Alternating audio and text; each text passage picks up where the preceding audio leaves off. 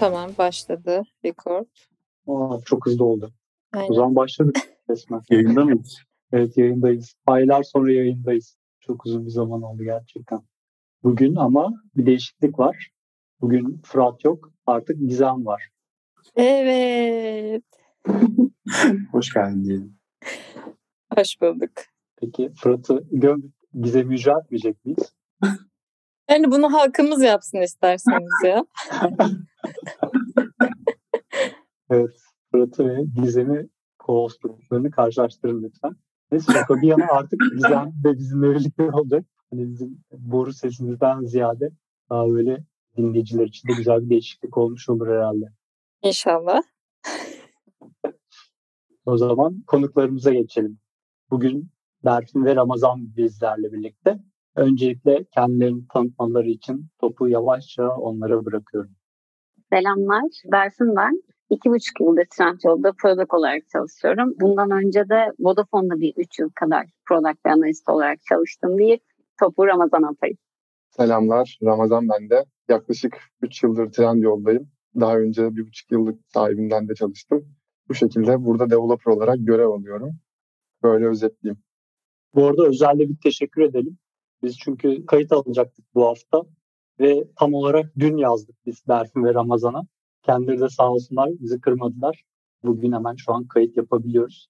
Ben Ramazan ve Berfin size şeyi sorayım. Çalıştığınız domain nedir?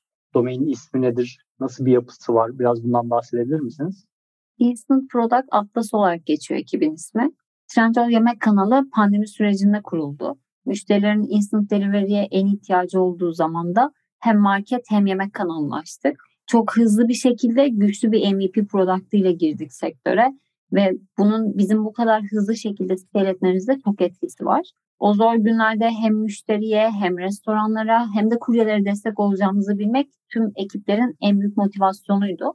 Biz de ekip olarak bu kanalın ürün altyapısı, BFF, review rating ve tip domainlerinden sorumluyuz. Ayrıca restoranlarımızın kullandığı panel ve mobil uygulamayı geliştiriyoruz. Bu domainde iki ana hedefimiz var. Birincisi Trendyol yemek kanalına giren bir müşterinin sorunsuz ve kolay bir şekilde sipariş verebilmesi. Müşteri kanala girdiği andan itibaren restoran ile ilgili tüm detayları görebilmesi gerekiyor. Biz de müşterimize restoranın çalışma modelini, bulunduğu kampanyayı, ortalama sipariş teslim süresini, review rating skorlarını, daha önce o restorandan sipariş vermiş müşteri yorumlarını ve bu yorumlara restoranların cevabını gösteriyoruz. Ayrıca product katalogumuzu zenginleştirip sektörde olan tüm restoranların, entegratörlerin kolayca entegre olabileceği ve müşterilerin anlayabileceği yapıda olmasını sağlıyoruz ürün altyapımızın.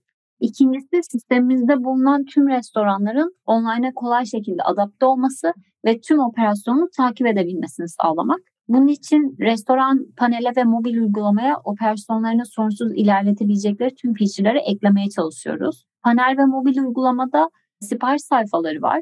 Buradan siparişlerini takip edebiliyorlar. Hem müşteri hem kurye ile ilgili dikkat edilmesi gereken tüm notları ve statüleri paylaşıyoruz. Siparişin eksiksiz ve zamanında gitmesi en önem verdiğimiz süreçlerden biri. Bu yüzden bu sayfada UX için designer arkadaşlarla bayağı kafa yoruyoruz. Google Analytics üzerinden her bir butonun, funnel'ın datalarına bakıyoruz. Olabildiğince yalın olması, aynı zamanda operasyon için gerekli tüm datalarında olması gereken challenging bir sayfa aslında bir product için. Ürün sayfaları var. Burada kendi stoklarına göre tüm ürünlerini yönetebiliyorlar. Müşteri değerlendirmelerini gösterdiğimiz sayfalarımız var. Burada da kendi siparişlerine yapılmış yorumları görüp bu yorumlara cevap verebiliyorlar. Restoran ile müşteri arasında feedbackleşebilecek en önemli ekranlardan biri burası. Satış performanslarını, ödemelerini, en çok sipariş getiren ürünlerini takip edebildikleri dashboardları var. Burada satış hedeflerinden çok bu siparişlerin quality metrikleri, müşteri değerlendirmelerini restoranlara söylüyoruz. Kendi gelişimlerini günlük, haftalık, aylık takip edebilmeleri onlar için de bizim için de çok önemli. Çünkü sahada restoranlarımız ve kuryelerimiz var ve müşteriye onlar dokunuyorlar. Operasyonu onlar gerçekleştiriyorlar. Biz de teknik ekip olarak onların bu operasyonu kolayca yapabilmesi için geliştirmeler yapıyoruz aslında. Product'ı MVP olarak çıkmak, MVP müşterinin ihtiyacına göre belirlemek çok önemli. Ama daha da önemlisi çıkan bir product'ın gelişimini gözlemlemek, datasını takip etmek, müşterinin ihtiyacını anlayıp şirketin hedeflerine göre product'ı geliştirmek. Biz ekip olarak sahaya belli aralıklarla iniyoruz. Bir gün boyunca restoranda sipariş hazırlıyoruz veya kurye olarak sahaya çıkıp sipariş teslim ediyoruz. Geliştirdiğimiz product'ın sahada kullanılması, müşteriden birebir feedback almak bizi gerçekten çok mutlu ediyor. Peki ben de şeyi sorayım o zaman. Domaini söylediniz. Peki sizin domaininizin yakın veya birlikte çalıştığı diğer domainler neler? Bunlardan bahsedebilir misiniz? Olur. Ee, ya aslında biz bu konuda e, oldukça şanslı bir ekibiz. Hem client hem seller center tarafında geliştirme yaptığımız için birçok ekiple birlikte çalışma fırsatı buluyoruz. Bunlardan en böyle çok çalıştığımız ekiplerden biri mobil ekibi. Search ekibiyle yine birlikte bayağı çalışıyoruz. OMS ve Instant Delivery'nin Orange ekibi var. Burada hem Trendyol Yemek hem de Hızlı Market'in delivery domaini aslında. Bu ekiplerle bayağı uzun sürelerce çalışıyoruz. Peki böyle biraz ekip yapısından bahsedebilir misiniz? İşte kaç backend var, işte frontend ya da QA dağılımı nasıl oluyor? Ekibiniz toplam kaç kişi? Ekipte 4 frontend, 5 backend, bir de 2 QA'miz var aslında. E, toplamda 11 kişiyiz. Mobil ekiple yakın çalışıyoruz dediniz ya. Şimdi Trendyol mobil epi bir süper app. Meal ve markette bunun içerisinde açılıyor ama burada nasıl bir yapı var? Ne tarz teknolojiler kullanıyorsunuz? Aslında şöyle, dediğiniz gibi farklı bir uygulama şeklinde açılıyor. Burada tamamen Trendyol'dan bağımsız bir yapı var. Yani Trendyol'un ürün ve sepet yapısından ve sipariş yapısından birazcık daha farklı ekipler aslında burada görev alıyor. Yine işte mesela OMS tarafında normal Trendyol akışından biraz daha farklı akış var ya da tamamen ürün yapısında zaten yemeği biz sıfırdan farklı bir yapıyla kurguladık. Çünkü ihtiyacımız farklıydı. Teknoloji olarak aslında biz daha çok e, database tarafında bizim işimizi NoSQL çözdüğü için NoSQL tercih ediyoruz. Couchbase kullanıyoruz. Diğer yandan backend'de daha çok ağırlıklı olarak Java ve Kotlin tercih ediyoruz. Son zamanlarda Kotlin'i böyle daha çok tercih etme durumumuz var. Sebebi ise birazcık böyle Java'ya göre sintaks olarak daha sade olması aslında. Aynı işi daha kısa ve öz şekilde yapabiliyoruz. Yani böylece işte hem yazması ve en önemlisi kodun okunması daha kolay oluyor. İşte birazcık da Java'nın bazı kusurlarına çözüm getirmiş olması bizi cezbetti diyebilirim. Ve böyle birkaç scripting işlerimiz için de Python tercih ettik. Bazı uygulamalarımızı da Golang yazdık. Veri tabanında dediğim gibi NoSQL, Couchbase tercih ediyoruz.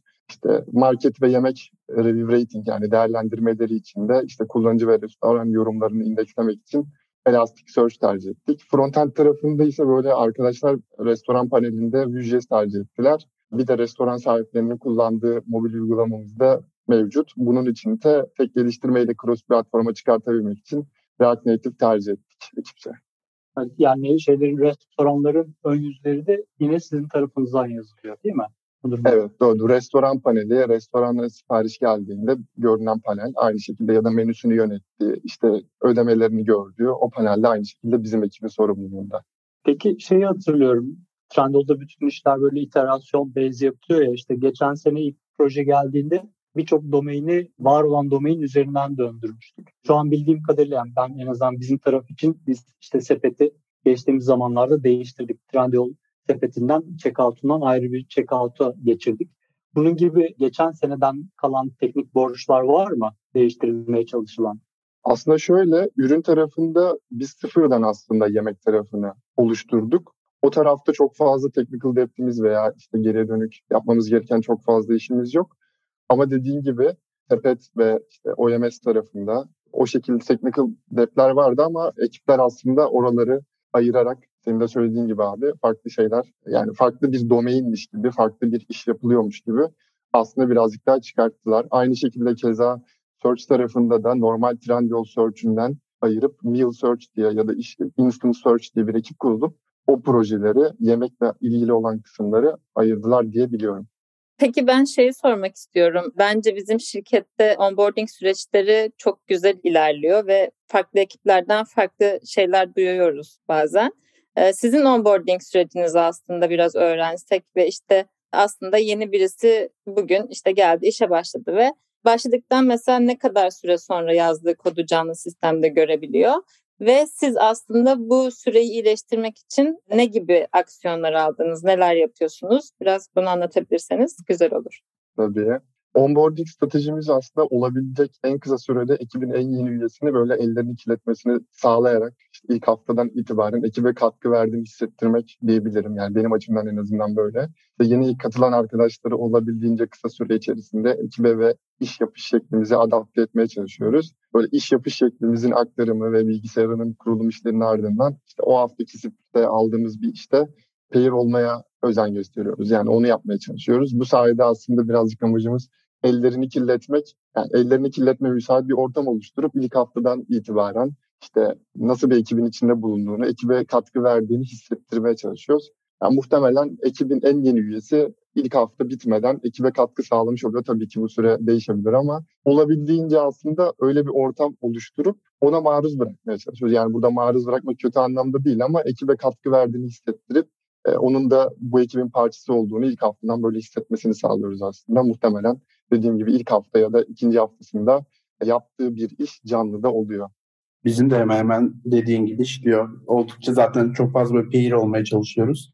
Şeyi sormak istiyordum ben de. Yani Trendyol'da bildiğim kadarıyla çoğu ekip aslında Agile'ın hani Scrum implementasyonunu kullanıyor diyebilirim. Peki sizde durum nedir? Siz ne kullanıyorsunuz Agile bir framework olarak? Burada bir Scrum kullanıyoruz. Olabildiğince haftalık sprintler koşuyoruz aslında. Agile tarafında en dikkat ettiğimiz ve en önem verdiğimiz ritüel aslında grooming. Groomingleri olabildiğince hem efektif hem de e, detaylı şekilde yapmaya çalışıyoruz. Burada da sadece kendi gelen feature'ı kendi domainimizde değil, Trendyol yemeği aslında tek bir product olarak görüp bunun restorana etkisi, müşteriye etkisi, kurye etkisi çünkü üç farklı müşteri var bizim kanalımızda. Bunlara etkisini gözlemlemeye çalışıyoruz. O yüzden groomingler en çok önem verdiğimiz ritüellerden biri aslında. Şeylerden bahsettiniz, az önce teknolojilerden bahsettiniz. Bu bahsettiğimiz domainde toplam yaklaşık böyle kaç mikroservis vardır ve ne kadar bir deployment sıklığınız var? Şöyle aslında direkt olarak e, ne kadar mikroservis vardır tam sayısını bilmiyorum ama deployment sıklığını aslında yine Forkey metrikten bakıyoruz aslında. Yani geçen ay ortalama her gün 4,5 deployment yapmışız diye hatırlıyorum. Lead time'ımız ise 30 saat falandı diye hatırlıyorum. Yani bir iş komitlendikten ortalama 30 saat sonra canlı ortama çıkmış oluyor diye düşünüyorum geçen ayın metriklerine göre. Mikroservis ee, olarak da aslında birazcık fazla aslında ama net olarak sayı emin değilim ama yani böyle çok fazla bir anda büyüdüğü için domain aslında yani böyle bir, bir buçuk senede üzerine farklı feature'lar geldiği için böyle eksponansiyel olarak arttı. Artık böyle bazen şey diyorduk yani ya bunun içinde yeni bir tane yapsak mı bunu bir yere yedirebilir miyiz gibi konuşmalar, görüşmeler vardı bizim ekip aramızda. Güzelmiş. O zaman ben şey sormak istiyorum. Ben biraz test konusunda daha takıntılı olduğum için aslında kod review ve test süreçlerinizi biraz anlatır mısınız diyecektim. Bir de şey merak ediyorum. Sizin ekipte TDD uyguluyor musunuz? TDD'ye nasıl bakıyorsunuz mesela genelde insanlar TDD'yi biraz vakit kaybı olarak gördüğü için yani o geleceğe yatırım oluşundan bir haber aslında vakit kaybı olarak görüyor. Siz bu konuda ne düşünüyorsunuz? Pair yapıyor musunuz? Integration testleriniz var mı? Genel olarak aslında test süreçleriniz nasıl işliyor? Bunlardan biraz bahsedebilirsiniz. Tabii. Ya yapılan işlerin tamamı aslında TDD gidiyor diyemem ama neredeyse tüm işler payroll olarak ilerliyor diyebilirim. Yani payroll olmaya özen gösteriyoruz. E çünkü aynı işe, aynı ekrana iki farklı gözle bakmanın kıymetinin aslında farkındayız. Bir şeyleri erken safhada fark etmemizin yani önüne geçiyor. Yani önüne geliyor bu aslında. Herkes herkesten mutlaka bir şey öğrenir düşüncesiyle ekipteki herkesin mutlaka birbiriyle pair olmasını istiyoruz aslında ekip içindeki herkesin birbiriyle player olmasını takip etmek amacıyla da bir player Excel'imiz vardı aslında. Yani TDD konusunda çok fazla böyle hani şey söylemeyeyim ama hani bazen gerçekten böyle hani o şekilde gelişmeyebiliyor. Ama yani yine de şey yapmaya çalışıyoruz aslında. O pratiği uygulamaya çalışıyoruz. Diğer yandan böyle işlerimiz code review sürecinden geçtikten sonra aslında staging ortamında deploy ediliyor ve QA arkadaş ilgili işi test etmeye başlıyor aslında. QA arkadaş test ettikten sonra işimiz UAT aşamasına geçiyor. Ve UAT ile isterlerle yapılan işin tutarlılığı kontrol edildikten sonra ise kodumuz master'a gidiyor. İlgili developer ya da QA arkadaş tarafından ise production'a deploy ediliyor. Böyle az önce de söyledim. Forkey metriklere baktığımız için böyle şey biliyorum ben. Yani geçen ay ortalama ne kadar deployment yapmışız. 4.5 civarı deployment frekansımız vardı. Lead time'ımız da 30 saatti. Bu şekilde özetleyebilirim. Yani söylediklerin çok güzel geliyor kulağa. Peki mesela şunu merak ediyorum. Yani ekipteki herkesin gelen işlerle ilgili tutumu %100 pozitif mi? Yani gelen herhangi bir feature'la ekibinizdeki herkes %100 eşleşiyor mu? Veya işte hani tam tersi yani hiç sevmediğiniz, gerçekten yapmak istemediğiniz, mantıklı bulmadığınız işler oluyor mu? Oluyorsa böyle bir durumda nasıl aksiyon alıyorsunuz? Orada ben de devreye girebilirim biraz. Ya aslında yapmak istemiyor değil ama işleri ekip olarak gerçekten çok zorluyoruz. Şöyle ikna olduğumuz işleri yapmaya çalışıyoruz aslında. Burada özellikle başta belirttiğim gibi groomingler bizim için çok anlamlı. Groom'da hem product'ı hem feature'ı challenge ediyoruz aslında. Groominglerden sonra aslında ekibin tüm üyelerinin hepsinin aynı noktada olup yaptığımız işe inanmasını sağlamaya çalışıyoruz. Groom'da eğer ikna olmazsak gelen feature'ların datasını planlamaya kadar çıkarmaya çalışıyoruz. O yüzden de olabildiğince ikna olduğumuz işleri yapmaya çalışıyoruz aslında. Evet. Şeyi sormak istiyorum ben de. Yani biz bir ara ekip olarak denemiştik işte bu tek day yapmaya başladık mesela içeride işte belli bir süre ayırıp o süre içerisinde herkes işte kişisel ya kişisel hedefleriyle uğraşıyordu ya da işte tamamen böyle yeni öğrenmek istediği bir şeyle ilgileniyordu. Biz mesela o uyguladığımız dönem oldukça faydasını görmüştük. Siz böyle kişisel gelişim adına vakit ayırabiliyor musunuz ekip olarak? Hı hı. Şöyle aslında POC'ler biz de yapıyoruz ama işte şey gibi hani böyle rutin gibi mutlaka her ay bir tane yapacağız ya da işte her hafta iki haftada bir bir gün ayıracağız gibi bir rutinimiz söz konusu değil. Ama diğer türlü işte ben bir şey gördüm ve bunu kullanabileceğimiz bir alan biliyorum. Bununla ilgili tamamen yani kullanmayacak olsak bile POC yapıp bunu ekibe sunup şey yapabiliyorum aslında. Onları ikna etmeye çalışabiliyorum ya da tamamen böyle hobi amaçlı ya da bir bilgi verme amaçlı POC'ler için vakit ayırabiliyoruz. Bu konuda da e, yani ekip içinde birbirimizi motive etmeye çalışıyoruz. Farklı konularda insanlar hani bilgi paylaşımında bulunabilir gibi. Bu şekilde yani vaktimiz genellikle oluyor diye özetleyebilirim. Şimdi bulunduğunuz domain normal Trendyol sürecinden çok daha farklı, çok daha dinamik ve zaman çok kısıtlı. O yüzden herhangi bir incidentta yani müşteri siparişi verdikten sonra işte yarım saat içerisinde gibi yarım saat 5 dakika yanlışsam düzeltin. Bir teslimat şeyimiz var, hedefimiz var burada. Bu durumda işte incidentları, incident yaşamamak ya da bunu mitigate etmek ya da monitoringi iyi yapmak, alert mekanizmalarını düzgün kurmak çok önemli. Sizin burada uyguladığınız pratikler nelerdir? Monitoring için işte aslında Grafana'dan uygulama ve cluster metriklerini takip ediyoruz. Daha spesifik olarak da bu uygulama özelinde ise işte New Relic'ten uygulamanın throughput, response time, işte error rate, CPUM ve memory kullanımlarına bakıyoruz aslında. Yani New Relic'te de uygulama üzerinde alert tanımlarımız mevcut. İşte response time'ına, error rate'ine ve, ve benzeri metriklerin işte belli thresholdlarına göre alert üretip aslında Slack'ten ekibin alert kanalına mesaj atıyoruz. Bunun haricinde de uygulama loglarımız Kubernetes cluster'larından işte toplanıp Elastic'e indeksleniyor. Elastic'te OpenDistro ile error ve warn loglarımız yine belli bir threshold'u aştığında aslında yine aynı şekilde alert mesajı geliyor. Yani sürekli aslında dediğin gibi abi çok fazla böyle şey e, kritik bir noktadayız yani domain ve business olarak.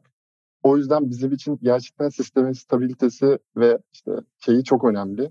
Ayakta ol- olunabilir olması herhangi bir alarm durumunda ise işte geriye tekrardan onu düzeltebilmek için çok kritik. Dediğim gibi instant örneğinde birazcık daha bu durum önemli hale geliyor. O yüzden aslında birçok farklı yerden böyle alertler tanımlayıp aslında takip etmeye çalışıyoruz.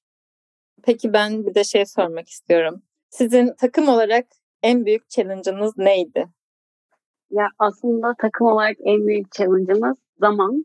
Instant Delivery modeliyle müşterilere hizmet veriyoruz. Dolayısıyla zaman bizim için en büyük challenge. Müşteriler checkout sayfasında order success'i gördüğü an itibariyle bizim için life cycle başlıyor aslında. Müşterinin siparişini takip edebilmesi, restoranların siparişleri anında görebilmesi, eksiksiz hazırlayabilmesi, kurye ve restoran arasındaki süreç, e, siparişin müşteriye teslim edilmesi gibi bir life cycle'ımız var. O yüzden bizim ekip de aslında ve bizim domainlerde çıkan her bir feature'ın bu life cycle'a hem zaman olarak hem de süreci kolaylaştırması açısından pozitif etki yaratması gerekiyor.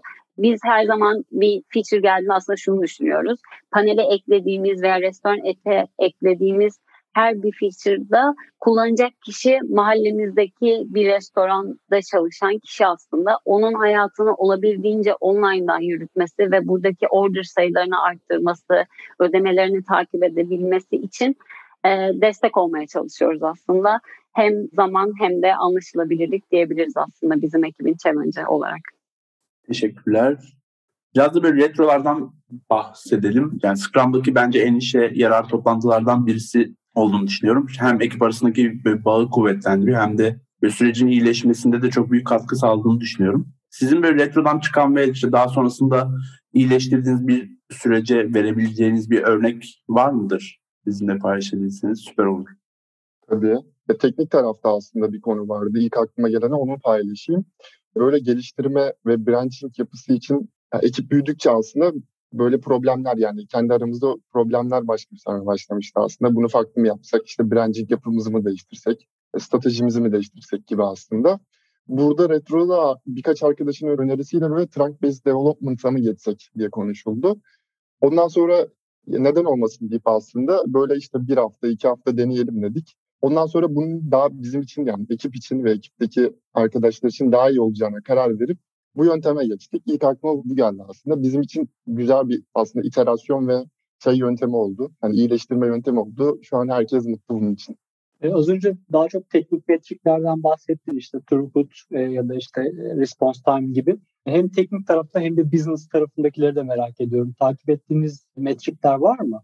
Tabii. E, teknik tarafta aslında biraz önce de söyledim yani birçok ekip gibi aslında bize 4 metriği takip ediyoruz öncelikle. Bunun haricinde de aylık olarak işte kaç incident yaşadık ya da işte ne bileyim geçtiğimiz 3 ay bir güvenlik açığıyla alakalı bir şey yaşadık mı, bir durum yaşadık mı gibi gibi bir farklı metriklerimiz mevcut. Bunların haricinde de yine uygulamalarımızın kullandığı işte Kubernetes, database ve benzeri ortamların aslında kaynak kullanımlarını inceliyoruz. Aylık olarak ne kadar kaynak kullanım değişimi sergilemiş bakıyoruz aslında. İşte bu durumda da hani farklı bir durum varsa yapmamız gereken, aksiyon almamız gereken ya da eğilmemiz gereken bir durum var mı aslında? Birazcık daha böyle bu yani böyle durumların üzerine konuşuyoruz. Böyle çok olmaması gereken şekilde yani çok fazla bir kaynak kullanımı işte farklı bir durum varsa aslında onun üzerine eğilmemiz gerektiğini düşünüyoruz. Çünkü bazen e, kaynak sıkıntıları yaşayabiliyoruz. Business taraf içinse Berfin'e toplatayım. Aynen. Ya business tarafta aslında bizim domain olarak üç farklı müşterimiz var. Birincisi end user, ikincisi restoran, üçüncüsü de kurye aslında. Biz üç müşteriden de her ay aslında NPS skorlarını, NPS'leri alıp bu skorları takip ediyoruz. Burada panellerde veya kurye app'te veya müşterinin mobil app tarafında neler yapabiliriz? Bu feedbackleri olabildiğince takip ediyoruz. Conversion rate'leri takip ediyoruz. Order tarafındaki delivery time'ları, e, cancel oranlarını, quality metriklerini olabildiğince takip ediyoruz aslında. Peki ben de şey soracağım. Sizce takım hangi alanda kendini geliştirmeye devam etmeli? Ya çözüm odaklılık konusunda böyle kendimizi geliştirmeye devam etmeliyiz. Çünkü biz gerçekten çok fazla takımla iletişimde oluyoruz. Burada açık iletişim bizim için çok kritik. Özellikle incident anlarında bunları çok yaşıyoruz herhangi bir trend yol yemekte herhangi bir incident olduğunda böyle hepimiz aynı Zoom'da buluşup 5 dakika içinde gerekirse o, o incident'ı çözmek için tek ekip ruhuyla açık iletişimle aslında e, çözüm üretmeye çalışıyoruz. Bu konuda oldukça iyiyiz. Yani sadece bizim ekip özelinde değil Trendyol domaininde bence Trendyol'da bayağı iyiyiz. Buna devam etmeliyiz aslında. Sence böyle ideal bir ekipteki ekip üyelerinde bulunması gereken en önemli soft skill nedir? Sence dedim ama ikiniz de cevaplayabilirsiniz.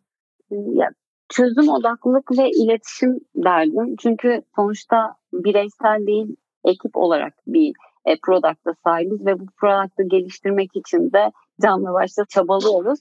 O yüzden de birbirimizle olan iletişimi ne kadar yalın ve sade tutarsak ve e, ne kadar çözüm odaklı olursak o kadar iyi iletişimde oluruz ve gelişiriz diye düşünüyorum. Ama Ramazan sen ne dersin?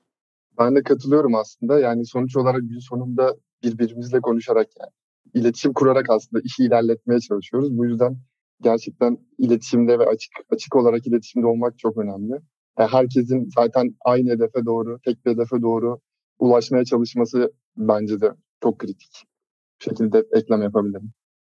Peki son olarak canlı sistemde patladığınız ve buradan bir ders çıkarttığınız, bir aksiyon aldığınız örnek aklınıza geliyor mu? Bende var bir tane abi.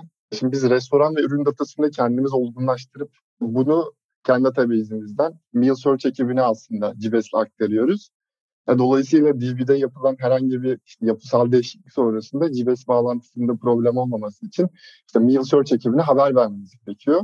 Ve geçenlerde bir gün DBA arkadaşlarla planlı bir database çalışmamız vardı. Arkadaşlar konuşmuştu. Çalışmayı tamamladık aslında. Her şey normal gibi görünüyor. İşte bir çalışmadan 15-20 dakika sonra şikayetler gelmeye başladı restoranlardan.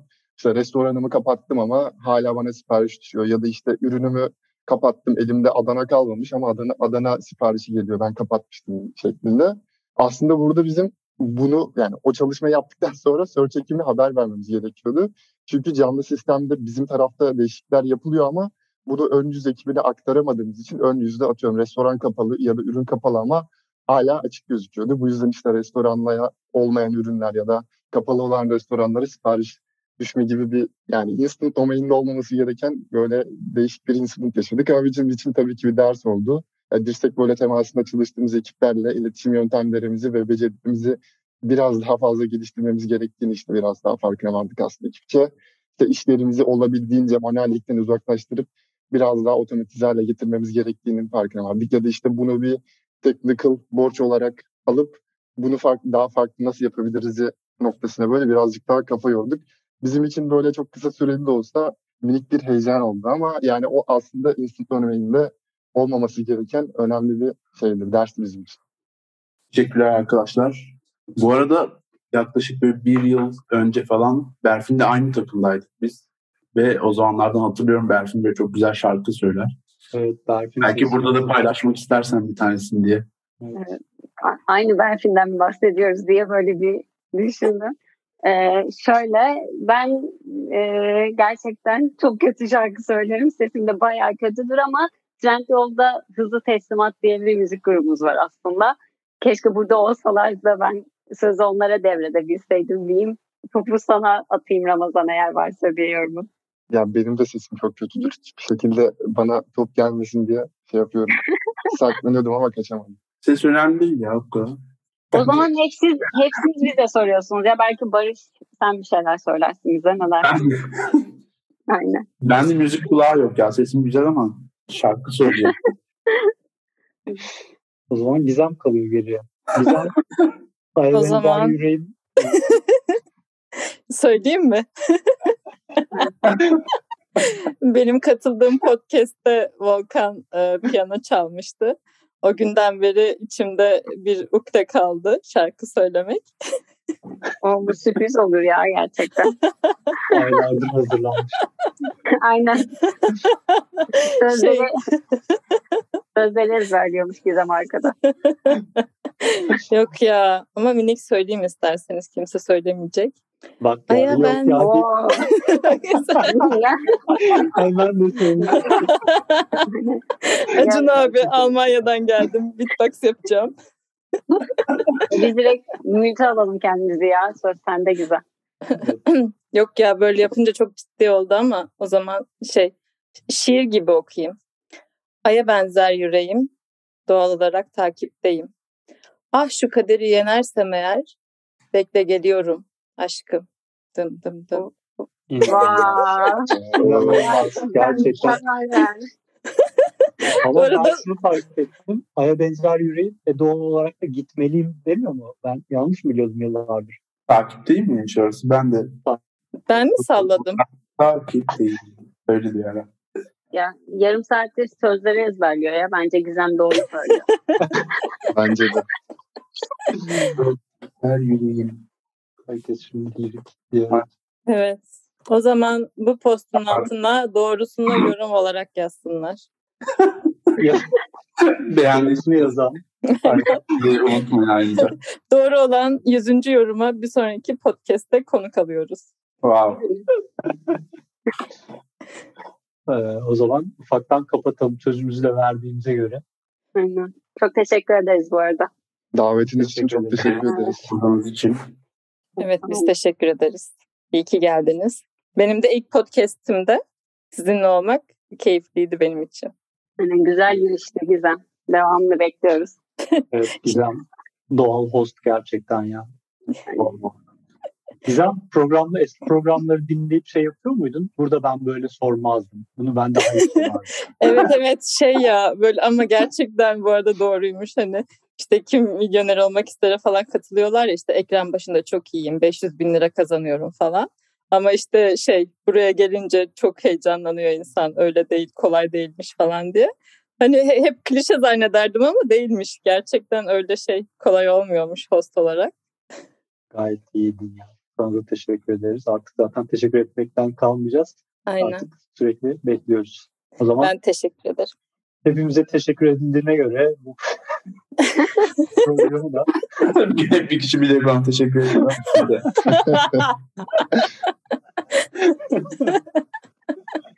Teşekkürler Barış bunu söylediğin için. ben teşekkür ederim. Ederim. O zaman hoşçakalın. hoşçakalın. Hoşçakalın. Hoşçakalın. Bye.